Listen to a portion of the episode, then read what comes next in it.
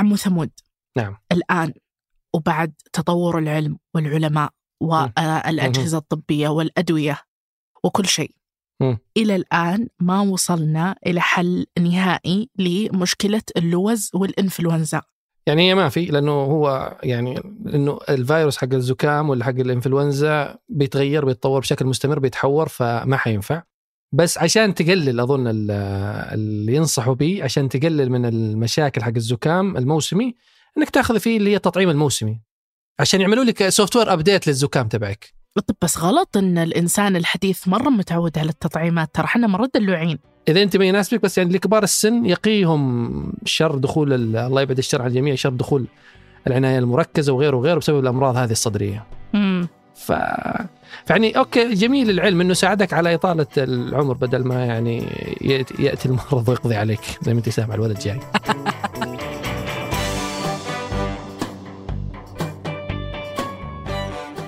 هذا بودكاست الفجر من ثمانية بودكاست فجر كل يوم نسرد لكم فيه سياق الأخبار اللي تهمكم. معكم أنا ثمود بن محفوظ. وأنا وافل عبد العالي.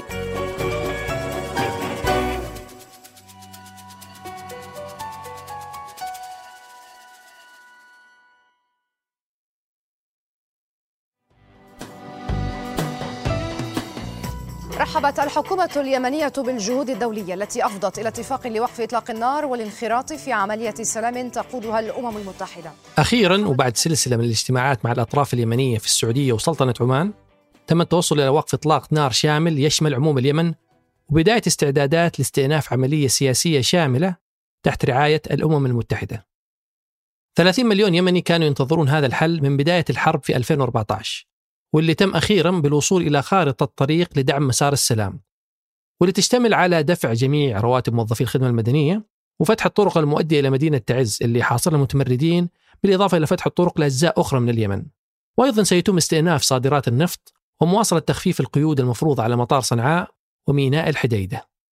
ومن ناحيتها رحبت وزارة الخارجية السعودية بالتوصل إلى خارطة طريق لدعم مسار السلام. لكن قبل لا نفهم كيف وصلنا لهذه الاتفاقية خلونا نراجع الحرب من البداية وكيف وصلنا لكل هذا النزاع. في العام 2014 بدأ النزاع في اليمن وسيطر الحوثيون المدعومون من إيران على مناطق في شمال البلاد من بينها العاصمة صنعاء.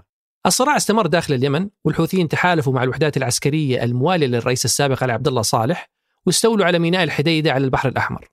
وهذا الميناء مهم لأنه يعتبر نقطة دخول للواردات والمساعدات الإنسانية إلى المدن الشمالية في اليمن. وفي العام اللي بعده في العام 2015 بدأت السعودية بأخذ خطوات حازمة من أجل استعادة سلطة الحكومة الشرعية المعترف بها دوليا وقادت السعودية التحالف العربي لدعم الشرعية في اليمن. السعودية عملت على هدف واحد وهو تشجيع الأطراف اليمنية للجلوس على طاولة الحوار. لكن اللي زاد من تعقيد الأمور وصعوبتها هو أن لكل طرف من الأطراف اليمنية المتنازعة أهداف خاصة. وهذا زاد من صعوبة تسوية الصراع وجمع الأطراف على كلمة واحدة. وفي ديسمبر 2018 بدأت محادثات السلام الأولى برعاية الأمم المتحدة بين الأطراف اليمنية المتنازعة. وتمت المحادثات في السويد واللي أسفر عنها اتفاق لوقف إطلاق النار في مدينة الحديدة وتبادل الأسرى وتفاهمات حول محافظة تعز. وفي مايو 2019 أعلنت الأمم المتحدة أن الحوثيين انسحبوا من مدينة الحديدة. وفي نوفمبر 2019 وقعت الأطراف المتمثلة في قوات الحكومة الشرعية المعترف بها دوليا وقوات المجلس الانتقالي الجنوبي على اتفاق برعاية السعودية في الرياض. هذا الاتفاق يتضمن تشكيل حكومة محاصصة ودمج قوات المجلس الانتقالي في وزارتي الدفاع والداخلية. وفي 18 ديسمبر أصدر الرئيس اليمني عبد ربه منصور هادي قرارا جمهوريا بتسمية الحكومة الجديدة المكونة من 24 وزير بناء على اتفاق الرياض. وفي يوليو 2020 بدأت الحكومة اليمنية بمحاكمة زعيم جماعة الحوثيين عبد الملك الحوثي بتهمة الانقلاب على الشرعية وإقامة علاقات غير مشروعة مع إيران. وفي أبريل 2023 أكد عضو المكتب السياسي لجماعة أنصار الله الحوثية في اليمن محمد البخيتي توصل الحوثيين إلى تفاهم مع السعودية لوقف الحرب اليمنية. هذه السلسلة اللامتناهية من النزاعات ثم المفاوضات ثم وقف إطلاق النار ثم العودة مرة أخرى إلى بداية النزاع. هي سلسلة غير منتهية من الصراع اليمني وتختصر جزء كبير من التاريخ في اليمن. وعلى مدار التاريخ شهد اليمن عدة حروب ونزاعات مستمرة. ومن قيام ثورة اليمن عام 1962 وقيام الجمهورية شهد عدد من الحروب سواء داخلية أو ضد عناصر خارجية لم تتوقف طيلة أكثر من نصف قرن. وفي هذه المبادرة الجديدة للسلام بذلت كل من السعودية وسلطنة عمان جهودا كبيرة على مدى السنوات الماضية من أجل الوصول إلى حل سياسي مستدام للأزمة اليمنية. وهي جزء من خريطة طريق لإنهاء الحرب. كما أن الإعلان عن خارطة الطريق من خلال الأمم المتحدة كان خيار محفز لضمان تطبيق هذه الخطة وعودة الحياة الطبيعية إلى اليمن وإنهاء صراع استمر لتسع سنوات.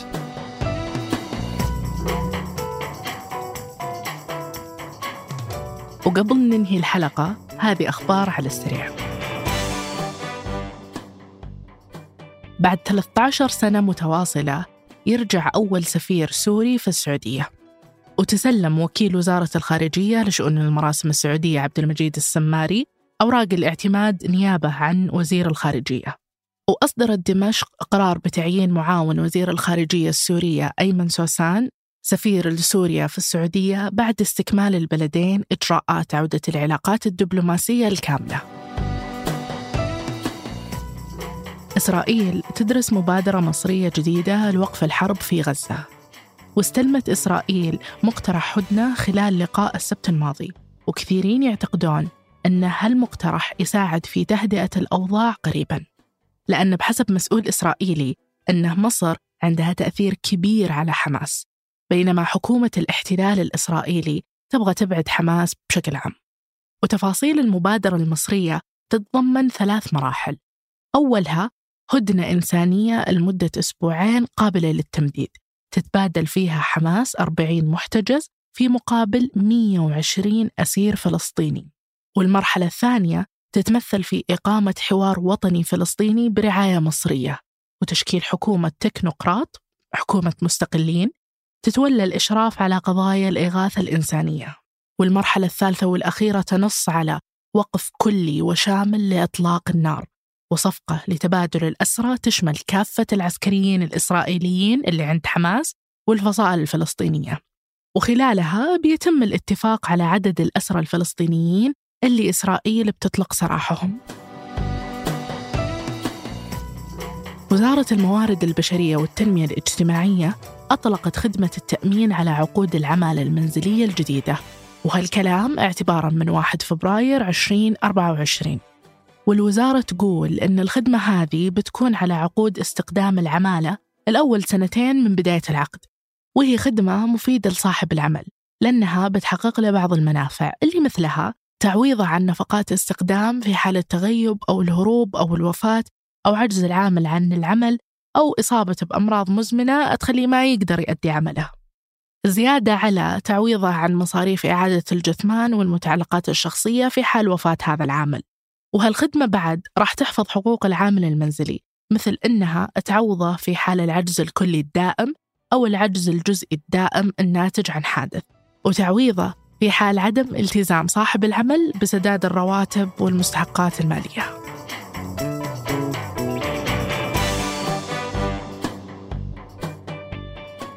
أنتج هالحلقة سفر عياد وقدمتها أنا وفاء عبد العالي. وأنا ثمود بن محفوظ. وحررها محمود أبو ندى نشوفكم بكرة الفجر.